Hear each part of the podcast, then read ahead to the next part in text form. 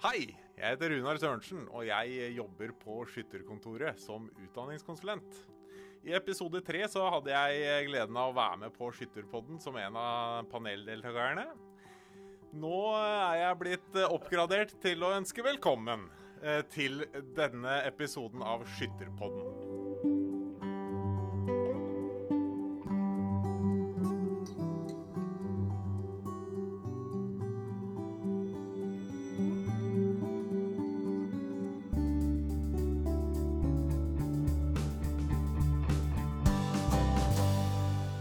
Velkommen til Skytterpodden og episode fire.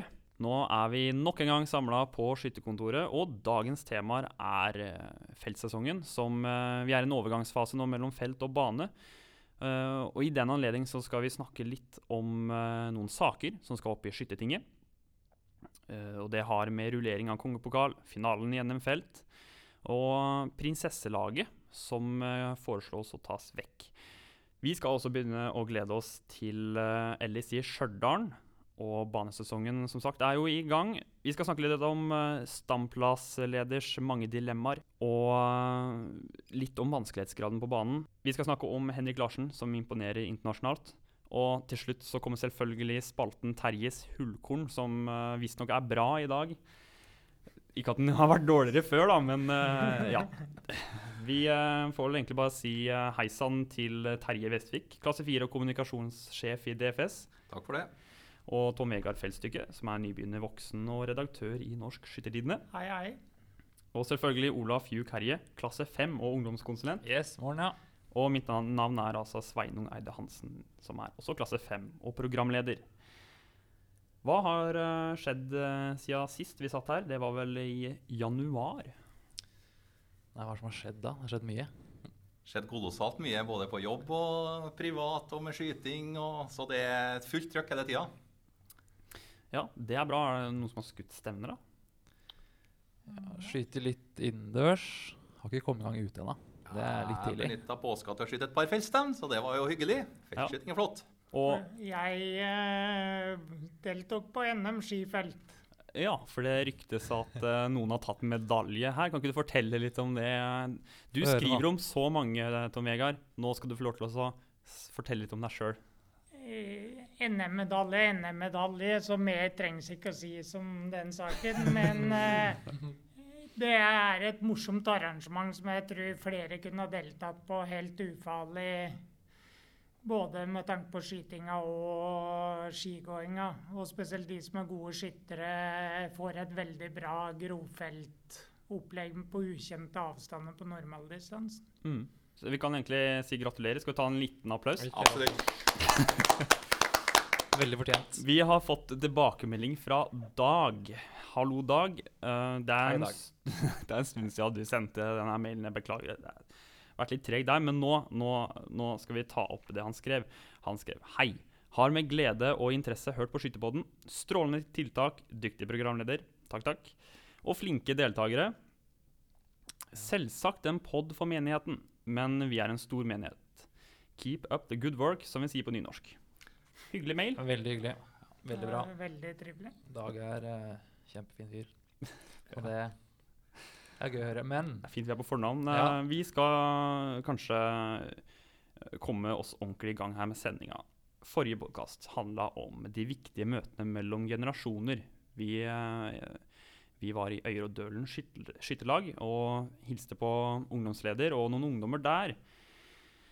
Og det er jo eh, i tråd med den store snakkisen, vil jeg si nå, i, i miljøet. Skyting for mestring. Det handler mye om det samme. Ola, kan ikke du fortelle litt om uh, skyting for mestring? ja, det kan jeg gjøre. Skyting for mestring er jo er et prosjekt som har pågått nå i en del år. Og i 2017 og, nei, 16 og 17 så har NTNU forska på dette. Og det de har gjort på Renneby barne, barne- og ungdomsskole. Og det resulterte da i en forskningsrapport som kom da nå i februar. Og der er det har NTNU forska, ja. Og så har de da kommet fram til eh, De har gjort en del noen funn da, som de bl.a. har lyst til å forske videre på. Og, og noen av de mest spennende er det at det, det er ting som tyder på at skyting kan ha effekt på impulskontrollen til disse elevene. For det her er jo elever da med konsentrasjonsvansker. Um, og de ser da at det, det er ting som tyder på at de klarer å sånn, styre impulsiviteten sin bedre. Uh, og når vi tenker på personer med ADHD osv., så, videre, så er det ofte de som Hvis vi ser i, norske fengsler, nå husker ikke jeg tallene på det her, men det er ganske mange av de som sitter i fengsel i Norge som har ADHD. Nettopp fordi de har problemer med å kontrollere impulsiviteten sin. Uh, og når det da skyting kan være et sånt tiltak som forbedrer det, uh, og gjør at de blir mindre impulsive, så er det kjempespennende.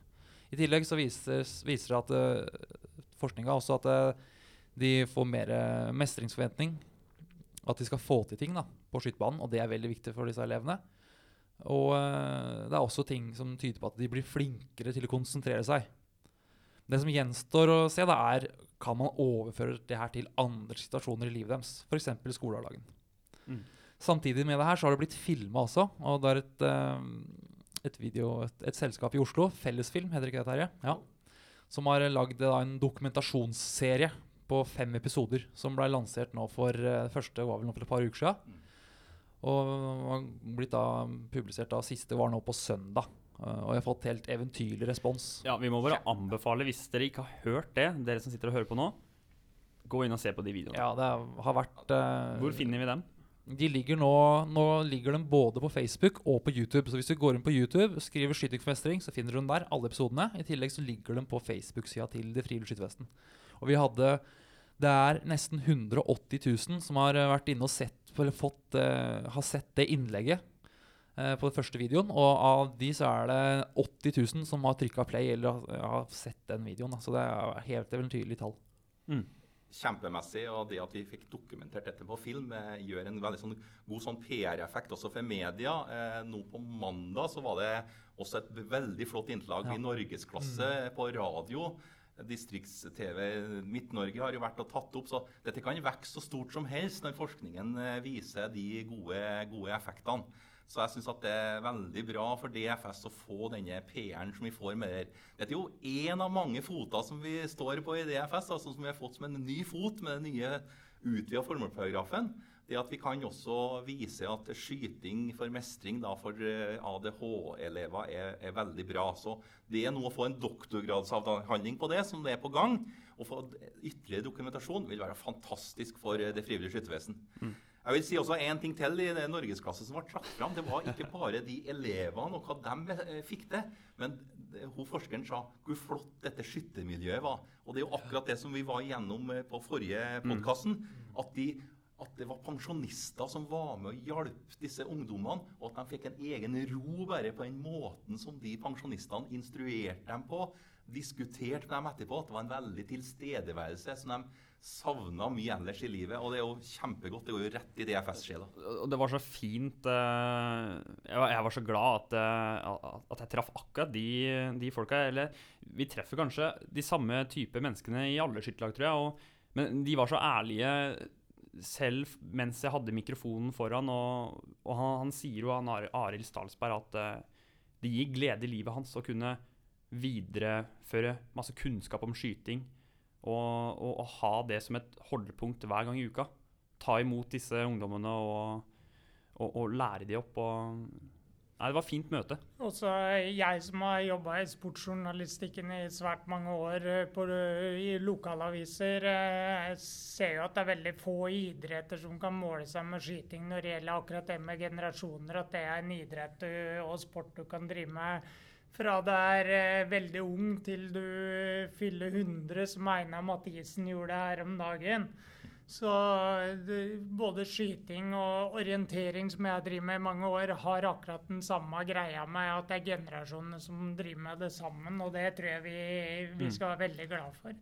Og så er det litt oppsiktsvekkende, som er veldig fint også, at uh, mange generelt i samfunnet tror jeg mener at oi, Skyting og ADHD, det må jo være den verste kombinasjonen. Nei, her viser forskerne at dette er en fantastisk kombinasjon. Ja. At skyttersporten er mye mer og kan egne seg til enda mer enn bare å være en idrett på lik linje på andre. ikke sant? Mm. Og forskeren som svarte hun NRK-journalisten på norgesklasse ja, ikke dette er litt farlig, eller ikke andre idretter eller noe annet de kunne ha drevet med som har gitt like gode effekter? Og hun sa nei, ikke som jeg ser det denne fokuset du må ha i skyting, denne tilstedeværelsen, det er unikt for uh, skyttersporten. Så det er jo veldig gode tilbakemeldinger at noen utafra ser oss sånn. Vi vet det så godt, men ikke dem som er rundt oss. Mm. Fantastisk uh, prosjekt. Gøy at det er vind i seila der. Som jeg nevnte innledningsvis, så er vi i en overgangsfase nå mellom felt og bane. Og vi har, vi har vært glad i å diskutere felt her i podkasten, både episode 1, 2 og 3. Og det har uh, vært mye gode resultater den uh, feltsesongen uh, her, som fortsatt ikke er ferdig. Um, Sjøl har du vært ute og skutt, Terje. Var det 29 treff jeg hørte? Ja, jeg skrev to feltstander i påska og fikk 29 treff. Det, jo, det, det, beviser litt av mine, et poeng som jeg har sett som en trend der i vinter. Det er at det har vært jevnt over noe lettere opplegg. Og Det er nok derfor også jeg klarte 29 treff, selv om jeg var usedvanlig fornøyd med det. Men altså, det at eh, arrangører lager også på grovfeltskyting noe lettere opplegg som gjør at flere føler mestring, syns jeg er en fin trend. Mm. At flere, For du avgjør så veldig godt på innertreff, for det innertreffet er så lite nå at det, blir uansett en kåra en vinner. Så for meg så er det kjempefint å se stevner der mange oppnår 30 treff. Det er bestandig noe som er vanskelig nok, og spesielt når det er knehold involvert. Så, så jeg syns det er veldig gledelig at på mange stevner så ser jeg at det, det er blitt lettere. Men vi har jo motstykket til eh, den måten å sette opp eh, feltstevner på. Det har du skrevet litt om i lederartikkelen eh, som kommer i neste utgave nå av Skyttertidene, Tom Vegard. Ja, for jeg, jeg føler jo at felten må løftes enda mer i DFS. Og jeg tror òg det er veldig viktig at man da tar en diskusjon framover. Og jeg prøvde å komme med noen tanker om hva jeg tenker eh, må til. Og en av tinga som jeg tenker er hva vil gagne feltskytinga mest, er å lage veldig vanskelig opplegg som Østlandsmesterskapet i feltskyting er. Eller er å lage jevne, gode opplegg som alle får en viss mestringsfølelse på. Jeg tror for organisasjonen totalt sett, så er nettopp det der med å lage opplegg som gir litt mestring, viktig.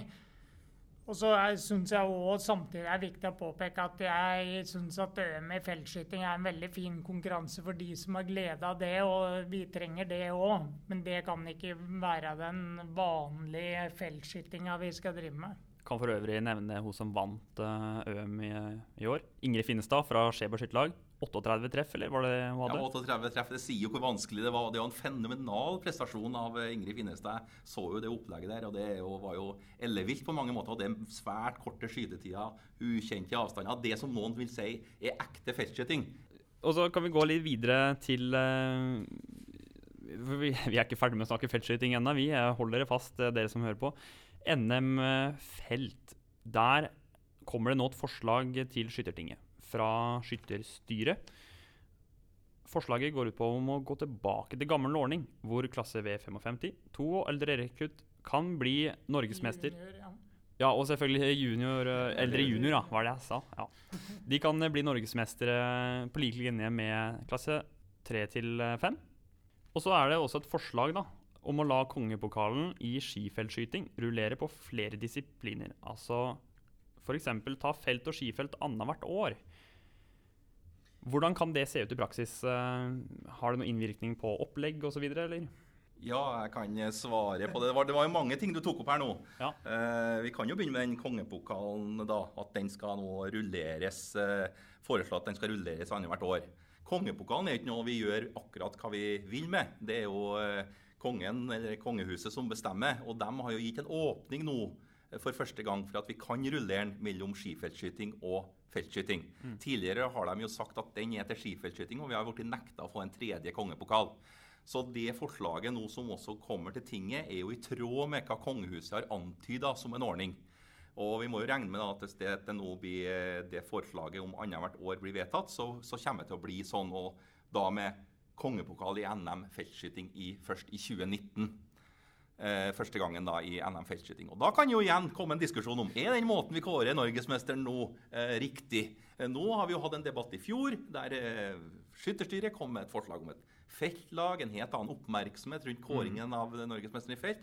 Som vi hadde en høring, som folk da sa at dette vil vi ikke ha noe av. Så det er jo nå lagt dødt, på kort sikt i hvert fall. Eh, å gjøre noen endringer i kåringen av norgesmester i felt. Det vil vel heve feltskytinga uansett, med en kongepokal, kanskje? Ingen tvil om at det vil heve statusen for, eh, for NM feltskyting. Men akkurat som vi snakker om her nå, Tom Vegard, og som vi har en diskusjon om, hva er den riktige måten å kåre den på? Og den, det at vi kårer den inne på en standplass på 200 meter, kan føles som kanskje for noen da at vi skulle ha tenkt noe nytt igjen. Så jeg tror at den debatten som vi har hatt nå, som har vært veldig herlig, den vil blusse litt opp igjen når vi får en kongepokal. Hva er, hva er måten da for å kåre en verdig norgesmester? Om, om det er noe, likevel noe grep som vi ikke har sett? da, heller. Ja. Og da, Det er jo to muligheter, på en måte. Det er jo LS som det er i dag, eller ha et NM-felt på våren som på en måte den kongepokalen er, og kåre vinneren der. Samtidig så sa jo f.eks. landslagsskytteren i fjor høst under høringa at de eh, syntes det var sjarmerende at en klasse 3-skytter kunne vinne NM-felten.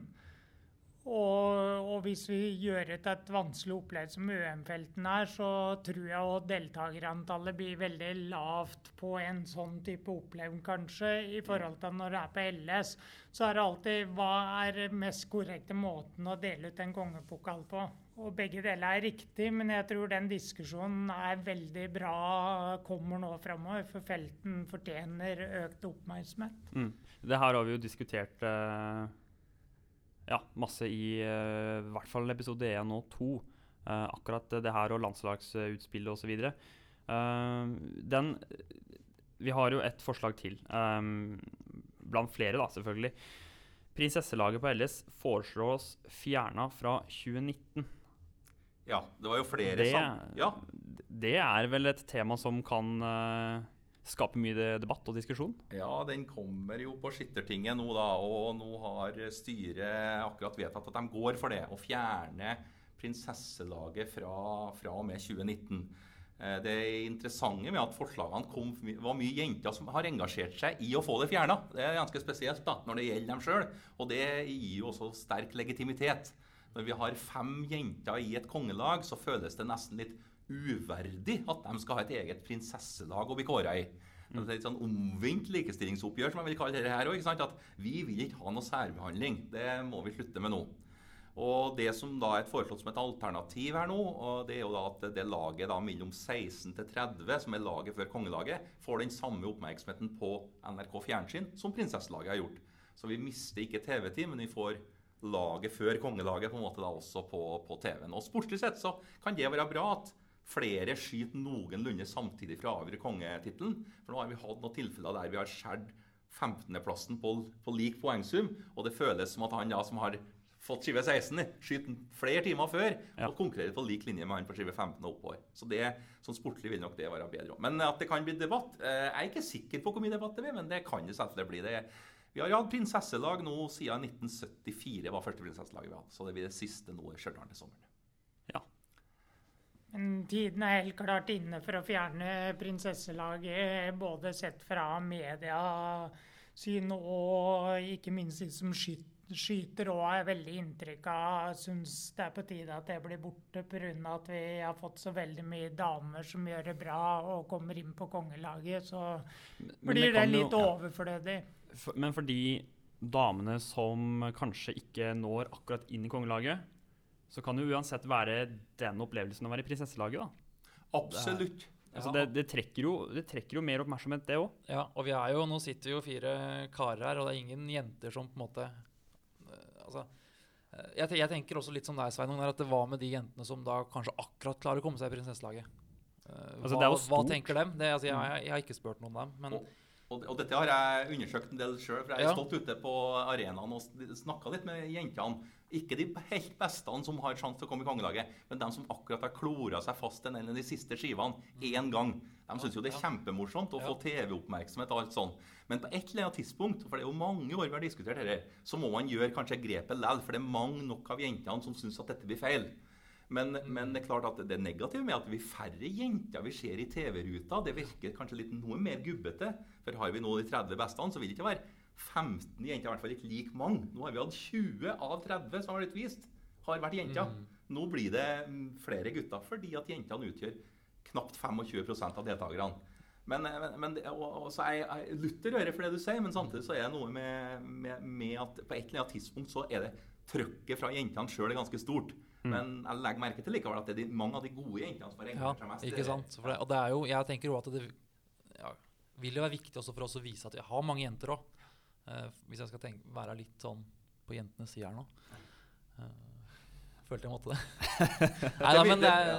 Det, morsomme, det morsomme blir, det kan jeg også fortelle, at det er altså eh, Det altså eh, det, det blir altså eh, Skytterprinsessa fra 2005 som skal legge fram saken eh, om å fjerne prinsesselaget. Ikke det ganske fint? Du vet hvem Skytterprinsessa var i to, 2005, og Ola skulle ha en quiz.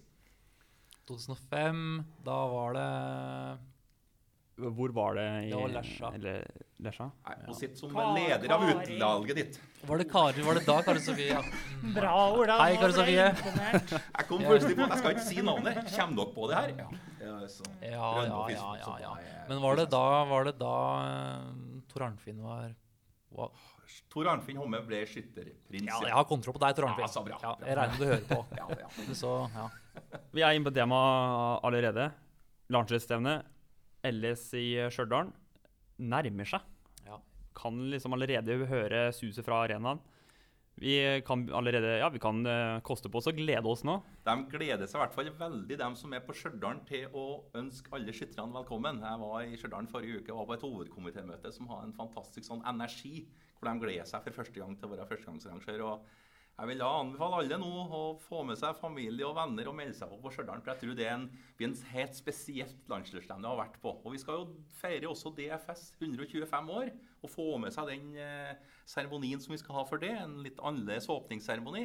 Så det er ingen grunn til å ikke dra til Trøndelag til sommeren, men det hører jo ikke på dialekten Ja. at jeg er generelt mener. Men jeg fikk, fikk LS-stemninga her om dagen. Jeg òg drev ute og eh, holdt på med noe ute. Og så har jeg naboer fra Polen.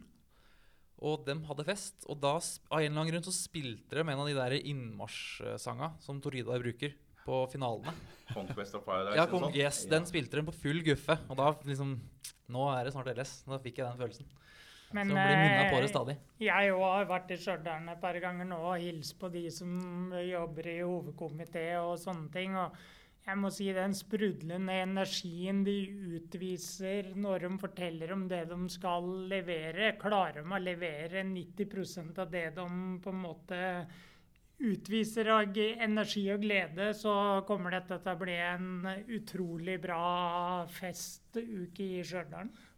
Apropos prinsessedag og jenter, det de har vært veldig gode til på Stjørdal, som en kan oppfordre alle andre arrangører av små og store steder til å involvere, det er flere damer som leder et arrangement.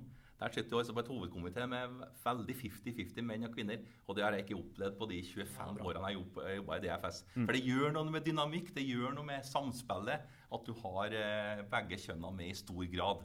Det, det hjelper på så denne, at jentene kommer, gjør at det, det mjukes litt oppå. At de tenker litt annerledes enn eh, oss mannfolka. Det er det ingen tvil om. Men før LS nå, så er det en haug av banestevner som eh, skal gjennomføres. Mange skal sitte som eh, standplassleder og lede stevner. Og det er jo ikke til å legge skjul på det at å være standplassleder kan by på utfordringer. Det er flere dilemmaer man kan havne opp i. Spesielt med tanke på regelverk. Og du, du kan si i landsskyttersammenheng så er man jo kanskje Da er alle skytterne klar over nå blir vi sett på nøye. Alle sjekker litt den eh, armen, at den ikke er eh, under 30 grader osv. Og, så videre, og man er litt nøye på stillinga si. Men hvordan bør man tenke da som standplassleder på et vanlig åpent stevne, Ola? Altså, som standplassleder, det aller viktigste det er at du har kontroll på sikkerheten. At du har eh, fokus på at alt gjennom, skytinga gjennomføres etter det som er regelverket når det gjelder sikkerhet. At du har kontroll på skytefeltet, at det ikke kommer folk inn i skytefeltet og sånne ting. Eh, det er på en måte det aller, aller viktigste. Eh, og det bør standplassleder ha, på en måte ha en ganske god koll på. Eh, Men det er vi jo ganske flinke på ja, utgangspunktet, vel? ja, det, vi er det. Men det er ikke noe grunn til, vi må, på en måte, det er ikke noe hvilepute det heller. Men det du snakker om med regelverk, der er det, er det mer altså Ja, vi har et regelverk og som gjelder, men det er sånn at det, I mange sammenhenger, da, så det å bli diskvalifisert og sånn i uh, På det DFS-stevnet, det skal uh, vi, egentlig ganske mye til. Vi har, måten vi gjør dette på landslagsstevnet, er at uh, i ungdomsklassene f.eks. Hvis det på en måte er regelbrudd som går på det med skytestillinger osv., så, videre, så er det, en, blir, er det på en måte mer en veiledning i etterkant til Mm. skytteren. og på en måte gjøre på oppmerksom på at du bør gjøre det sånn og sånn. Eh, og det skal, altså, vi må huske på at det, de aller fleste som driver med DFS-skyting eh, og reiser rundt på stevner, kanskje ikke trener så mye osv. Så, så at det at de kanskje har en stilling som ikke er helt etter boka sånn eh, Det er ikke det at vi liksom ikke skal se på det hele tatt, men eh, det å diske noen sånn eh, Hva skal jeg si Her og eh, titt og ofte, da. Det er ikke noe vi, eh, noe vi oppfordrer til. Eh, Nei, det kan bli veldig dårlig stemning. ja, og det, og det er på en måte heller ikke noe mål i seg sjøl, akkurat, eh, akkurat det. Eh, men jeg, jeg kan vi har jo på lansert for et, og et halvt år siden jeg har et e-kurs nå på nett hvor, som er lagd for, det- for standplassledere. Hvor vi tar for oss hele regelverket uh, og kommer inn på nettopp det her med hvordan på en måte håndtere situasjonen osv. Uh, for det er som du sier, Sveinung, at det er, du kan komme opp i en situasjon f.eks. hvis du har en skytter som ligger med for lav arm. da. Hva gjør du da? Hva hadde du gjort da, Terje? Nei, da ber du kanskje om å heve den armen hvis det er Ja. Og, men gjør det på en, på en veldig sånn god måte. En myndig, men, eh, men romslig måte. altså. Ikke sant? Og, Ja. og det er jo der har- tipper jeg, i hvert fall vi tre som har i mye stevner, har sikkert opplevd mange forskjellige håndteringer av sånne situasjoner. Eh, og et sånt e-kurs som jeg nevnte nå, da, kan være en sånn en fin måte for laga som skal ha stevner nå, å på en måte kurse sine standplassledere i det uh, her, da. Og liksom at det blir en litt sånn mal på det. At, det- for vi, vi ønsker ikke altså, Som standplassleder, hvis du går inn på standplass med, den, uh, med måte, målet om å diske flest mulig, da har du, uh, har du mista litt. da. Men samtidig, jeg tenker at det må skille veldig mellom vanlige stevner og landsskytstevnen og Frendecup og sånn. Der må man være litt mer rettferdig i forhold til hvis noen er gjennomgående gjør samme feilen, at de får påpakning for det. Men det blir helt feil på et vanlig stevne hvis du skal diske en som skytter i klasse 1, som da blir fratatt motivasjonen. Da er det mye viktigere å gå bort og forklare enn at eh, her har du ligget for lavt med armen, eller Mm. du har gjort noe annet gærent, og så får de heller rette på dette neste gang. Som standplassleder også, så må du jo evne å se sammenhengen og situasjonen du er i også. Eh, og som sagt, så sikkerhet er på en måte det er endelig, og det, er- det er, der er det ikke noen advarsler. Men har du et, for, for eksempel et vanlig stevne, eh, og du er standplassleder, eh, og det er en Si en klasse 2-skytter som uh, har en lignestilling som ikke ligner noe, så er det på en måte ikke om å gjøre å diske han fortest mulig, eller hun. Da er det en en fin måte å gjøre det på da, kan det være da etter stevnet, etter at den er ferdig med å skyte, gå bort og si at du har en litt lav stilling, uh, og du bør nok uh, heve den. Men hvis, men hvis du har en klasse 5-skytter som har en ureglementert stilling, og som er god og kjemper om en tredjeplass eh, vil, gjøre, altså vil man tenke forskjellig hvis den skytteren egentlig hadde vært en tredjeklasseskytter som ikke kjemper i teten? Altså, hvor, uh, hvor prinsipiell skal man være da? Man, er det lov å se litt an skytteren på hvor streng du er? Fordi det kan gi et stort utslag hvis du ber om ja, nå må du stramme remma di så og så mye, og du kan ikke ha armen din så langt ned, du må lenger opp. Altså, Stevnet vil jo bli ødelagt, egentlig, fordi det blir helt nye stillinger osv. Altså, når det gjelder ungdomsskyttere, så skal du eh, på en måte hvis, Der skal du være snillere enn det du skal være med på si, de voksne. Eh, Mm. Og du, man må jo se an graden av eh, Altså, er det en femteklasseskytter, eller er det en voksen skytter, da? Du kan si som ikke skyter i klasse 1 eller 2, for det er, altså, er de ferskeste. Vi, skal, vi kan se mm, en sånn differensiering her, fordi vi veit at de skyter klasse 5, så da har du også forutset, gode forutsetninger for å på måte vite hva som er lov og ikke. Eh, så på den Mm. måten så kan man eh, legge lista litt høyere der. Eh, eh, for det, vi må for all del ikke komme i en situasjon der vi på en måte oppfordrer til, eller at vi opplever at mange blir diska pga.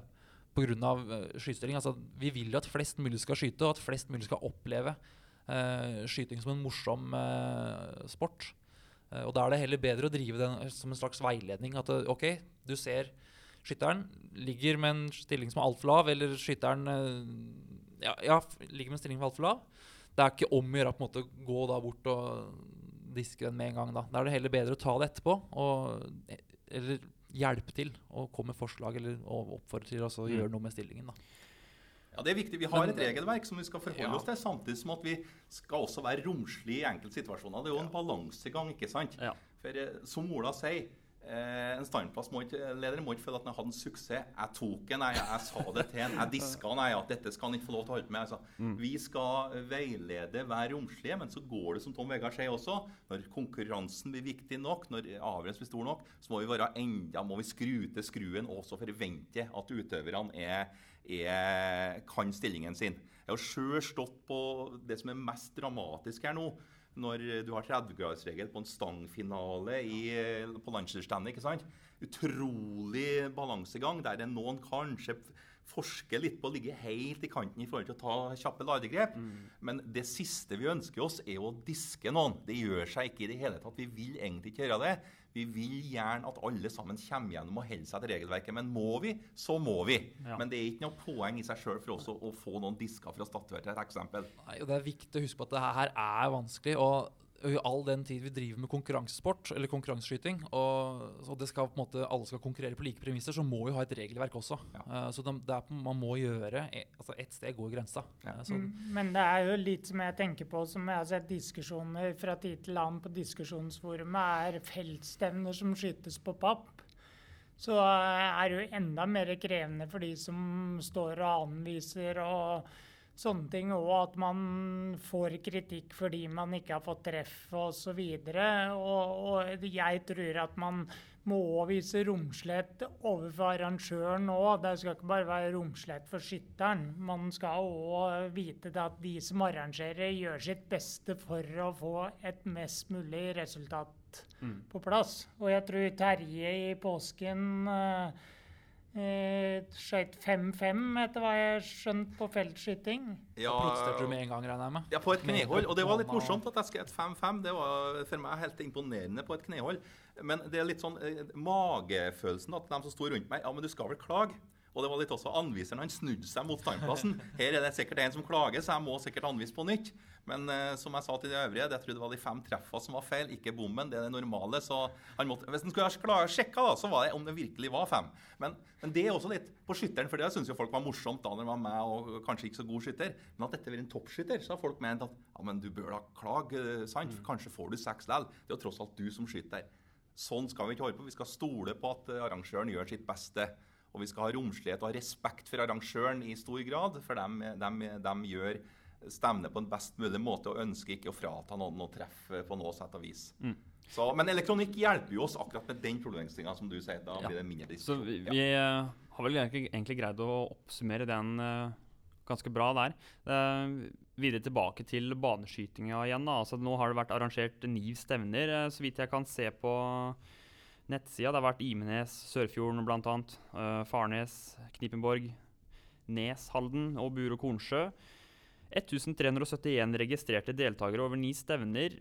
Det er vel sånn ca. over 35 000 skudd løsna, det på bare på to uker, vel. Er og så tenker jeg I fjor så var det ganske mange gode poengsummer ute og gikk, Terje.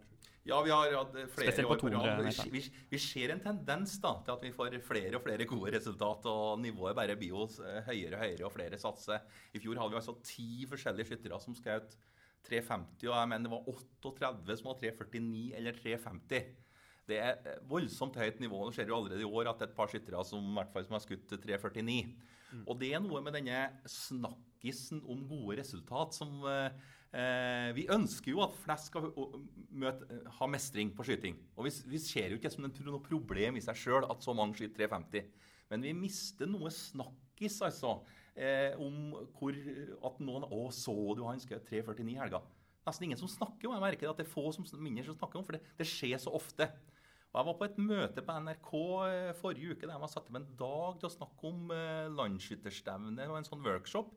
Og da var det ei som ikke har var- vært borte i skytesporten i hele tatt. Ja, dette er jo magi. Altså, han har bare fått 3,49 på landsskytterstevne.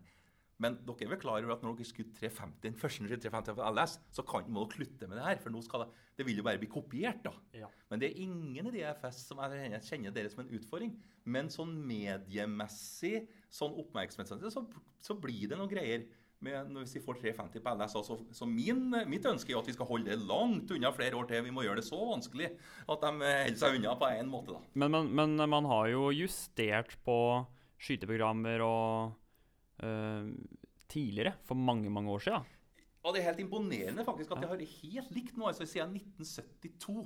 1971 var siste gangen det ble endra på. for da Omgangen gikk fra 1 minutt til 1,15, men da de var på 1 minutt, så skjøt de jo på ild. Så det var jo ingen stor endring. Det var jo 68 som den siste endringen, da vi gikk fra 2 til 3 minutter på, på grunnlaget. Altså en klar lettelse av programmet. Var, og, og to minutts grunnlag er jo ingen som vil ha noe. Vi, vi prøvde jo når vi var 100 år for eh, programmet i 1914. Og folk syns jo det har vært altfor vanskelig. Og det med mestring igjen, ikke sant. Men det er noe med at, eh, at vi vil jo at sånne skyttere som meg, da, som på en god dag kan skyte 330, mer hensyn til den enn dem som skyter 350, for de eh, må synes at det er greit. Og det er jo mange som ikke skyter 350 av de gode òg. Men ut fra det perspektivet så, så er det rart at det ikke er noen diskusjon på noe innstramming. Det er mer det at ting skulle ha blitt enda altså, Det er lettelser i programmet. Eh, utstyret har blitt helt annet enn siden 72. Altså, det at vi skyter på elektronikk, gjør at ting er mye enklere. Ammunisjon har blitt mye enklere. Altså, Nivået hever, hever, hever seg. Men det er ingen som snakker om at nå er det noe for lett. Men hva kunne vi gjort, for eksempel? Altså Nei, jeg, jeg vet ikke. og Sjøl er jeg jo motstander av det å stramme inn også. Jeg syns det har vært artig med tonisk grunnlag. det, Men altså, de inter, internasjonalt er de jo helt gærne. Altså, du får ikke skyte ligg med skytebukse, ta bort kantene på skyteskoa osv. Der er det stadig, stadig vekk eh, forandringer. En morsom ting internasjonalt er at de har tatt, eh, fått lov til å bruke skytterlue med sånne klaffer. Fordi at det er pga. media, at de skal se dem og så ha gode bilder. Jeg lurer på hva hadde skjedd hvis vi i morgen har sagt at eh, skytterstyret har sagt at det ikke er lov til å bruke vanlig skytterlue lenger. Antar ikke påvirker resultatene, men jeg tror det har blitt et lite ramaskrik. Ja, alle erke-DFS-erne, inkludert meg sjøl, hadde reagert på det. Ja. Og det, det, det er jo noe som NRK har spurt om. Jeg sa at jeg kan ikke, vi kan ikke lansere det engang, for jeg tror kanskje det blir mye reaksjoner. Men mulig det har gått fint gjennom òg. Ola? kanskje det? Ja, altså, ja, det, det er mulig, men jeg tenker også på det med de, disse resultatene. Og det høye, det ekstremt høye nivået vi har sett siste åra. Altså, jeg syns det er litt skummelt også. Og, fordi vi ser jo tendensen til at uh, tredjeklasseskytteren og fjerdeklasseskytteren at den forsvinner. Uh, og kan si hvorfor det? Uh, og jeg syns det er nærliggende å tenke det at det, Ok, den forsvinner kanskje fordi de ser at det, veien opp da blir lengre og lenger. Eh, Det er flere og flere som trener mye. Det er blitt bedre og bedre utstyr. Eh, Det er hvor mange var det som hadde skutt i 349 og 350? i hel, 38. ja, hel haug, ikke sant? Eh, Så, og jeg, jeg ser det i eget lag òg. Hadde det ikke vært for at vi har Østlandscup, som vi deltar på, så er det en fire-fem skyttere vi aldri hadde klart å få ut og, på stevner. Og de sier at det, det, er, det er selvfølgelig dårlig, dårlig innstilling, men det er nok mange som tenker sånn, dessverre. At de gidder på en måte ikke å være eh, sponsor for de beste skytterne, for å si det på den måten. Eh, Så jeg ser litt at det er litt skummelt òg, sjøl om det er utrolig gøy å se så mange skyte så bra. At det er så mange som bruker så mye tid på sky- skytesporten. Eh, Men det kan hende at det har en litt sånn skyggeside som, ikke, som vi kan få igjen for i åra som kommer. Det er, det er en vanskelig balansegang, men fortsatt eh, i min statistikk over alle som har eh, skutt 350, så er det 9 av 50 resultat på 350 så langt siden Christensen var den første. Frode, ja. Mm. Eh, og fram til i dag. Men allikevel, så av de 59, så er det fortsatt under 30 skyttere som har klart å skutt 350. Så det er jo ikke en stor mengde som skyter dem, men resultatene er nærmere 350 nå enn noen gang. Og det ser jeg kan ta fram litt motivasjon på alle de andre. Så kanskje er det på tide igjen å vurdere premiesystemet i DFS. Men vil ikke de gode uansett være gode hvis vi hadde f.eks. gjort om litt på rekkefølgen da, på 15-skudden? Altså, de som skyter godt, vil vel kanskje greie å være gode allikevel? Jo da, jeg sier ikke at vi nødvendigvis jeg, jeg sa ikke at vi skulle endre på noe, men jeg bare ser trenden. Og jeg har ikke noe svar egentlig på hvordan vi kunne endra det heller. Eh, men jeg ser bare trenden på at det- avstanden mellom de, den, den vanlige DFS-skytteren, eh, som i hvert fall var vanlig før, og den, de som bruker mye tid på dette, her, blir bare større og større. Eh, og Tom Egar sa at det er ikke så mange som har skutt 349 og 350. Men hvis du ser på hvor mange det nå er som skyter Altså 344 altså jeg bruker å si, jeg, For fem-seks år siden så skøyt jeg og trente ganske mye. Da, da, da syns jeg 344 og 5 var bra. Nå skyter jo Noen ganger så blir Det er nesten stygt å si det, men det er noen ganger jeg ser folk som har skutt si 345, da, som for en fem-seks-sju år siden aldri var i nærheten av det. Så det er mange nå som uh, Men ho hovedårsaken tror jeg at det er flere som gjør det såpass bra nå, er at uh, siste året, i hvert fall opplevelsen min, at nå er det mer lov å si at du har lyst på å bli god.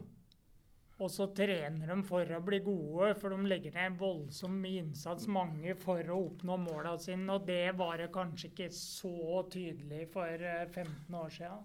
Men, men, min greie var litt, og er også litt herre med at folk som ser oss utafra Når jeg ser hun jenta da, som var med oss noe i, på en workshop, og sier at dette blir rart hvis dere fortsetter med det etter 350. For da er det den nestemann som skyter, og nestemann som skyter. Det, det, det blir en stor medieoppmerksomhet. ikke sant? Siste som vi snakka veldig mye om, var jo Kim André Lund, som da skrev 348 på nordisk i 2012. Det er liksom det siste resultatet som jeg det gikk gjeter om i hele landet. her, 348. Men om jeg en skyter 350 nå, med Kim André skyter 350, så er ingen i Trøndelag som snakker om det kanskje den uka. Jeg vokste opp da Bjørn Solberg leverte 345 på 80-tallet. Så du Bjørn Solberg 345? Folk gikk med T-skjorta som det sto 'Lykken er 345'. Ja, men det, det, er jo ingen som skyter Ingen som skyter 345. Så det, nå kan jo alle bruke den. Ja, nå kan jo, Om det ha stått 'Lykken er 350' Kan dere ikke lage sånne T-skjorter igjen? Kan ikke dere begynne å lage de T-skjortene selv? Ja. Nok en god sakside. For meg så er lykken. Ja, det har vært lykken, men det er fint. Det er et poeng, det. Jeg kan egentlig ikke huske Det er det resultatet til Kim André Lund eh, på nordisk som jeg også husker som Ellers så kan jeg ikke huske noen sånne enkeltresultater som jeg har stussa så veldig ved, egentlig. I hvert fall ikke sånn på stående fot. Nei, eh, fordi Siste... at det, det, begynner å bli litt vanlig med 350, og det snakker vi om med Tom Vegard òg, i skyttertidene.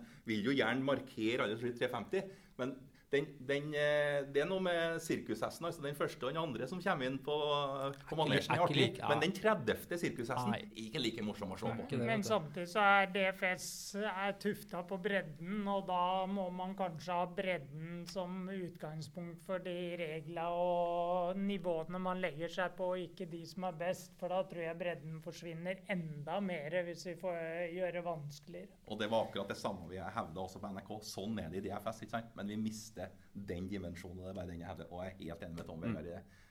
DFS er jeg veldig glad for å ta like mye hensyn til dem som skyter mer hensyn til dem som skyter 225 enn den som skyter 350 i den sammenhengen. Ja. Og jeg skulle ønske at mange flere på landslagsstevnet skjøt under 230. Det er mm. greia. Skulle hatt mange mulig. flere under 230. Altfor høyt nivå. Som ordna seg. Ja. Men uh, vi Ja, altså bredden viktig. Uh, bredden er, er uh, viktig å ha med seg. Men det er mange som eh, Det er en god del som eh, velger å satse internasjonalt. E, en av dem er Henrik Larsen fra Eidsberg skytterlag. Starta der i eh, DFS. Nå er han i Kentucky i USA på et universitetslag. Og det er altså retning, eller Rammene for podkasten var DFS i full bredde, og her har vi virkelig full bredde, fordi han har jo nå han har jo nå vært med å vinne det amerikanske studentmesterskapet, eh, NCAA, eh, hvor han bl.a. vant individuell på luft. Uh, han tangerte nylig verdensrekorden på hele match og slo Matt Emmons med sju poeng. Skøyt han alle skuddene, Emmons? Fish skøyt Emmons saltskuddet.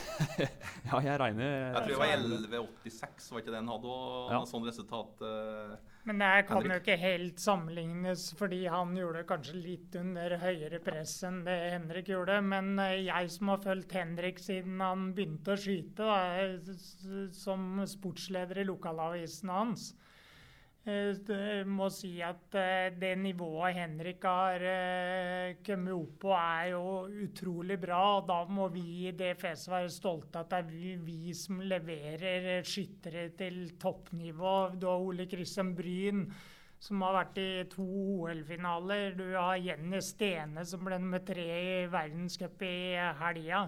Mm. Så DFS Uten DFS hadde heller ikke Norges Skytterforbund hatt Eh, skyttere å levere til topprestasjoner. Men, men, det er interessant det du nevner der. Fordi uh, Jenny Stene uh, gjør det jo bra i DFS samtidig som hun gjør det bra i, på matchen. Ja, Skyter stang og er, uh, er rågod. Uh, til sammenligning så har vi jo Henrik. Han uh, trener jo ikke med Søveren eh, lenger, så det For hans del så blir det jo eh, Nei, jo litt annerledes når han kommer på landslagsstevne. Da blir vi litt mer komme tilbake i gamlemiljøet og hilse på venner og kjente ja, fra Skytte-Norge. Men, eh, men kombinere, ikke kombinere Hvordan eh, Hvordan ser hva, hva er det de fleste gjør, da? Vi har vel Ole Kristian Bryn som kombinerer eh, Kombinerer mye. Åssen går det med de? Ja, Det er jo mange av rifleskytterne som, eh, som kombinerer det fint, og som begynner i DFS, og som kommer i NSF og skyter internasjonal periode, og kommer tilbake til oss igjen. Og Vi leverer jo gjerne ut gode skyttere som har sin bakgrunn fra DFS, til det, og låner dem ut til Norges Skytterforbund. Og det er klart vi har veldig mye gode, gode skyttere. Vi må nesten si det sånn, for det er det vi gjør. En periode der de fordriver sin toppidrett på det, det nivået der. Det er jo morsomt da med Henrik, som sikkert kommer til Stjørdal til sommeren. og Kanskje skyte en 2.32 eller noe sånt. Jeg tror det var noe sånt han hadde i fjor i, i, i Førde. Tenk deg å flere tusen får slå verdens beste skytter når han er virkelig i draget. Det, er sånn, det ser vi også forskjellene, da. Men tilbake til altså, poengsumma her. da. 11,86. 11,86! Helt sykt! Han blir snakka om. Han blir snakket om, For det er helt sykt. For det er 1200 som mulig. Men den forrige diskusjonen vi hadde, ikke sant? det er ingen som sier ah, så du husker jeg 350?' Her, hadde da?» jo s- han Ja, men det gjorde nå både han og han. og han. Det er noe med den mekanismen som vi mister, men jeg sier ikke at vi skal endre for det. Men det var morsomt med Henrik, og ikke minst Jenny, som du ne- nevnte. Tenk å bli nummer tre i verdenscup i luft, og så helt på å bli stangvinner oppe i Målselv. Et herlig TV-øyeblikk med faren Terje, forresten, da, som sprang etter ammunisjon til når sportssjefen i NRK snakker den dag i dag om det som er et av de fineste øyeblikkene. Skulle vært årets TV-øyeblikk i 2016. Men da du var ung, ung og lovende, Ola, Ja. eh, Ja, ja, hvordan, ja. s- hvordan stilte du deg til eh, Følte du at du måtte liksom velge litt grann Eller har du ikke hatt noen føtter eh, Nei, i matchmiljø? jeg har ikke det. Jeg har ikke det. Det har, har jeg ikke hatt. Eh, Det var ikke noe miljø for det egentlig der som jeg er fra. Uh, nå, nå bor jo ikke jeg så langt, veldig langt unna Alfall nå, men Ja, for det er det den jeg har tenkte, jo, at det er den nærme kom etter min tid. For å si sånn. Mm. Så jeg drev med andre, jeg drev med fotball og langrenn, sånn, så jeg hadde ikke tid til noe mer. Så ja. Jeg hadde oppstart med begge der. Både, Såpass, ja. med både Skytterforbundet og DFS, og gjorde det egentlig absolutt best i NSF. Så jeg kjenner godt den bakgrunnen der. Men da holdt han på med begge deler, for det var det det, det, det funka opp i Trøndelag. Og dro på eh, var til og med på uttaksstevne til europamesterskap her i Oslo på Løvenskioldbanen. Antar min beste prestasjon for øvrig. Har du vært så god, Terje? Sjetteplass i et uttak i 1983. Oi! Nå kommer det Så fram. bare for å si det. Men, Det var men var noen som eh, skøyt i skiva di. ja, det, det Det var meg og Magnus Woren, for øvrig også en sånn en som har vært i både DFS og NSF, som dro i lag. Magnus Woren kom til EM.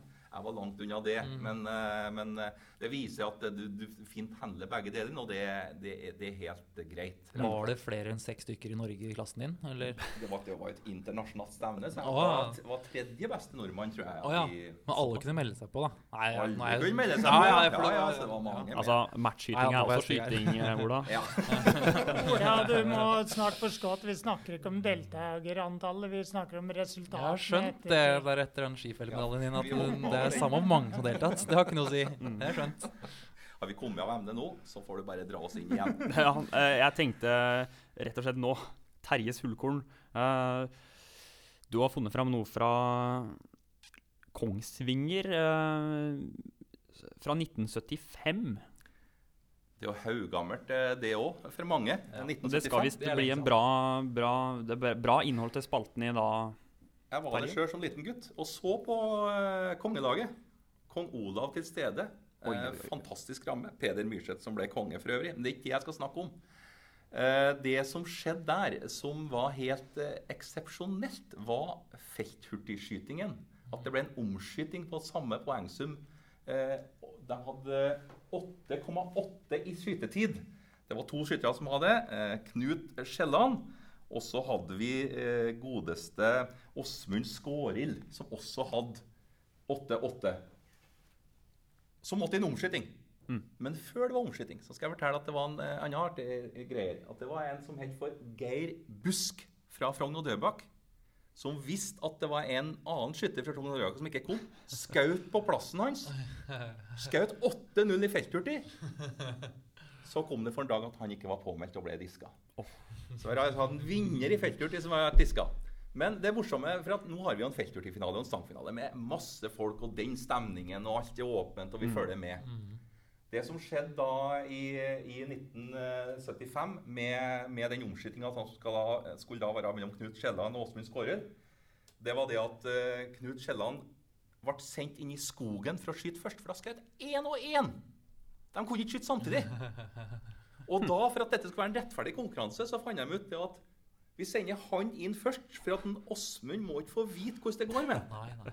Så det var bare han som leda skytinga, Åsmund, sendt langt inn i skogen. Og de fikk måtte så langt inn i skogen at de ikke hørte skuddene. For hvis de hørte han skjøt tre, fire eller fem skudd, så visste jo Åsmund at oi, han skjøt fem skudd, jeg kan ta det med ro. Å ja. Og han skjøt på tre skudd, da, men det visste jo ikke Åsmund. Ble sendt inn i skogen. Da fikk publikum trekke noe nærmere, men ikke stå attmed, så at de så på forstyrrerne. Men de fikk trekke så nærme og få høre hvor mange skudd skjøt Åsmund. Ikke sant? Ingen har jo klokke eller noen ting. Og så da, når Åsmund måtte bruke fire skudd, så skjønte alle at ja. Knut hadde vunnet. Ja. felt hurtigmester det året. Tenk deg, sånn var det altså så sent som i 1975. Ganske fenomenalt da, at, eh, at, eh, at sånt skjedde. Ja. Så det er, det er historien eh, om eh, felthurtig i 1975. Men, men eh, han, han som tok plassen til en annen i laget, Ja. skjøt han to ganger? Nei. Altså for seg sjøl og Nei, å ja, Nei, nei, bare han, han andre. han stilte jo bare opp da, og var, lot som han var den andre. ikke sant? Det var jo ingen som har noe Men var det kontroll med noe ID, ID. Det kan jo gjøres Var det vanlig før? Var det vanlig før? Nei, det tror jeg ikke, men det kan hende det foregikk. Men det ble jo så outa da, når han der Ja. gikk og litt vant stevne. Altså, men du heter vel ikke Du heter vel ikke Det er Det er liksom Ola melder seg på som Terje Vestvik, og dæken, han skjøt bra, han eh, Terje, nå. Ja, litt dårlig, da. Han er i jeg kan ta finalen. til en femteklassing. Kommer Kim Andre Lund? Nei, men det er jo Kim Andre Lund. Nei da, men uh, sånt foregikk så sent som i 75. Altså, det er jo det er jo ikke sent, da, for så vidt. Det er jo lenge siden, men uh, det var en morsom historie. Det er før min tid, men uh, ja. Jeg tenker det har vært en fin episode, det her. Veldig bra. Kjempebra. Skal vi oppsummere dagens innsats med, med grunnlagsbarometer, som vi gjorde i episode to, som vi glemte i episode tre, men tenker det var gøy. Vi kan fortsette med det. Ja, har vi skutt på grunnlaget nå i dag? Det, Ja, hva- Det var i hvert fall ikke et tominuttsgrunnlag, det var i hvert fall et treminuttsgrunnlag. For vi har brukt litt her nå. Ja, vi gjorde det. Jeg vil si det er en uh, 98. Oi, oi, oi. Men du skyter jo bare liggende, da. Det, er, det er ikke det, ja. Mm, stemmer. Uh, og med støtte, eller skyter du med reim òg? Jeg skyter med reim, ja. Ja, ja. Jeg er jo tross alt skutt fire stevner. da. Ja, for du, var, du fikk lov å skyte med reim på NM skogsløp, nei, skifelt, når du fikk den medaljen. Det skjedde uten reim. Nei, hva fikk Skal vi se, ja Ja 95, kanskje. Ja. Mista tre på stå og to på kne. Altså på liggende, vi mister ikke noe på liggende på Nei, vi- grunnlaget. vi Så det, ja. Jeg syns vi hadde en eh, fin avslutning, ja. Eh, ja, det passer fint. For å være ærlig. Jeg vet ikke om vi hadde så mange innertiere, men vi Nei, hadde nei, mange sånne i yt- ja. Fem blinker og fem niere. Ja. jeg hadde noen sleivspark til NSF her i stad, så det Vet ikke om jeg går rett hjem, men uh. Nei, 96 dager Vi Vi, fleispark, vi så de var fine, ja, som, eh, som, eh, som jeg har et toppidrettstilbud til flere av skytterne våre. det var jo- fått flott. Ja, men uh, tusen takk for at, uh, for at dere der som lytter på, har lytta til oss. Det er alltid hyggelig. Og send, send oss gjerne tilbakemeldinger, sånn som Dag har gjort. og spesielt hvis dere mener noe om det vi har diskutert, så er vi veldig nysgjerrig på hva dere mener om eh, Og gjerne da ta en diskusjon eh, på temaene utover å sende mail til oss òg. Ja. så må vi oppfordre folk da til å spre ord om skytterpodden. At det flere hører på. Eh, si, del det i skytterlaget eh, med andre skytterkamerater, så at det flest mulig får høre på dette greiene vi sitter og og prater om. Jeg fikk et tips i påsken da jeg var på feltstevne, at kunne vi ikke ha et program der vi diskuterte om skytterjakka, hvorfor de krympa? Oi, Jeg vet ikke om vi skal Ja, ta det, men, men det, det det, tips. jeg òg lurer på det, for jeg har ei bukse. Jeg har teori at for at det regna fælt på den feltskytinga på Elles i fjor. Og Den har ligget i bagen ganske lenge, og det stoffet tror jeg krymper da den regner. Så det, jeg har fasiten der. Nå tror jeg de må runde av, ellers så Ja, er vi i gang igjen. Vi, tar helt av her. Takk for nå. Vi eh, høres eh, snart igjen.